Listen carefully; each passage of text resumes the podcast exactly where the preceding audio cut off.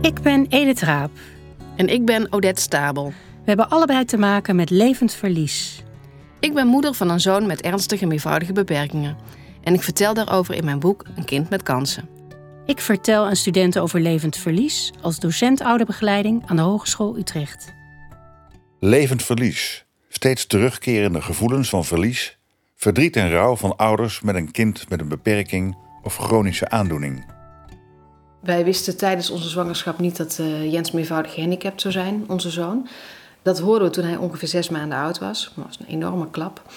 En ik weet nog dat ongeveer zes weken daarna een collega tegen me zei, toen ik daarover aan het vertellen was in tranen, dus je hebt het nog niet geaccepteerd. Ik heb zo vaak reacties gehoord waardoor mensen in het onbegrip worden geduwd.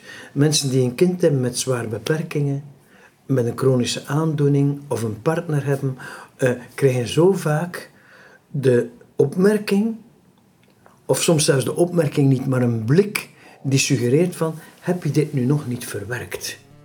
We maken de podcast om meer bekendheid te geven aan levend verlies. Er is eigenlijk heel veel niet erkend verlies in onze samenleving.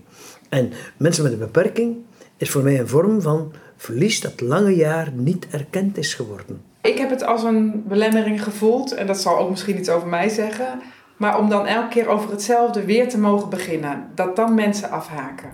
In onze podcast komen ouders en hulpverleners aan het woord over levend verlies.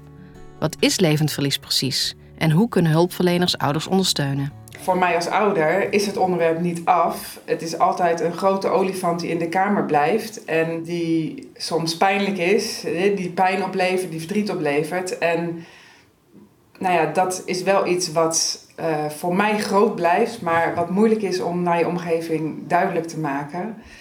En als daar meer oog voor is, dan geeft dat ook meer erkenning voor iets wat altijd voor mij zo groot en aanwezig is in mijn leven. Elke laatste zondag van de maand een gesprek over levend verlies. Ik ben Odette. Ik ben Edith.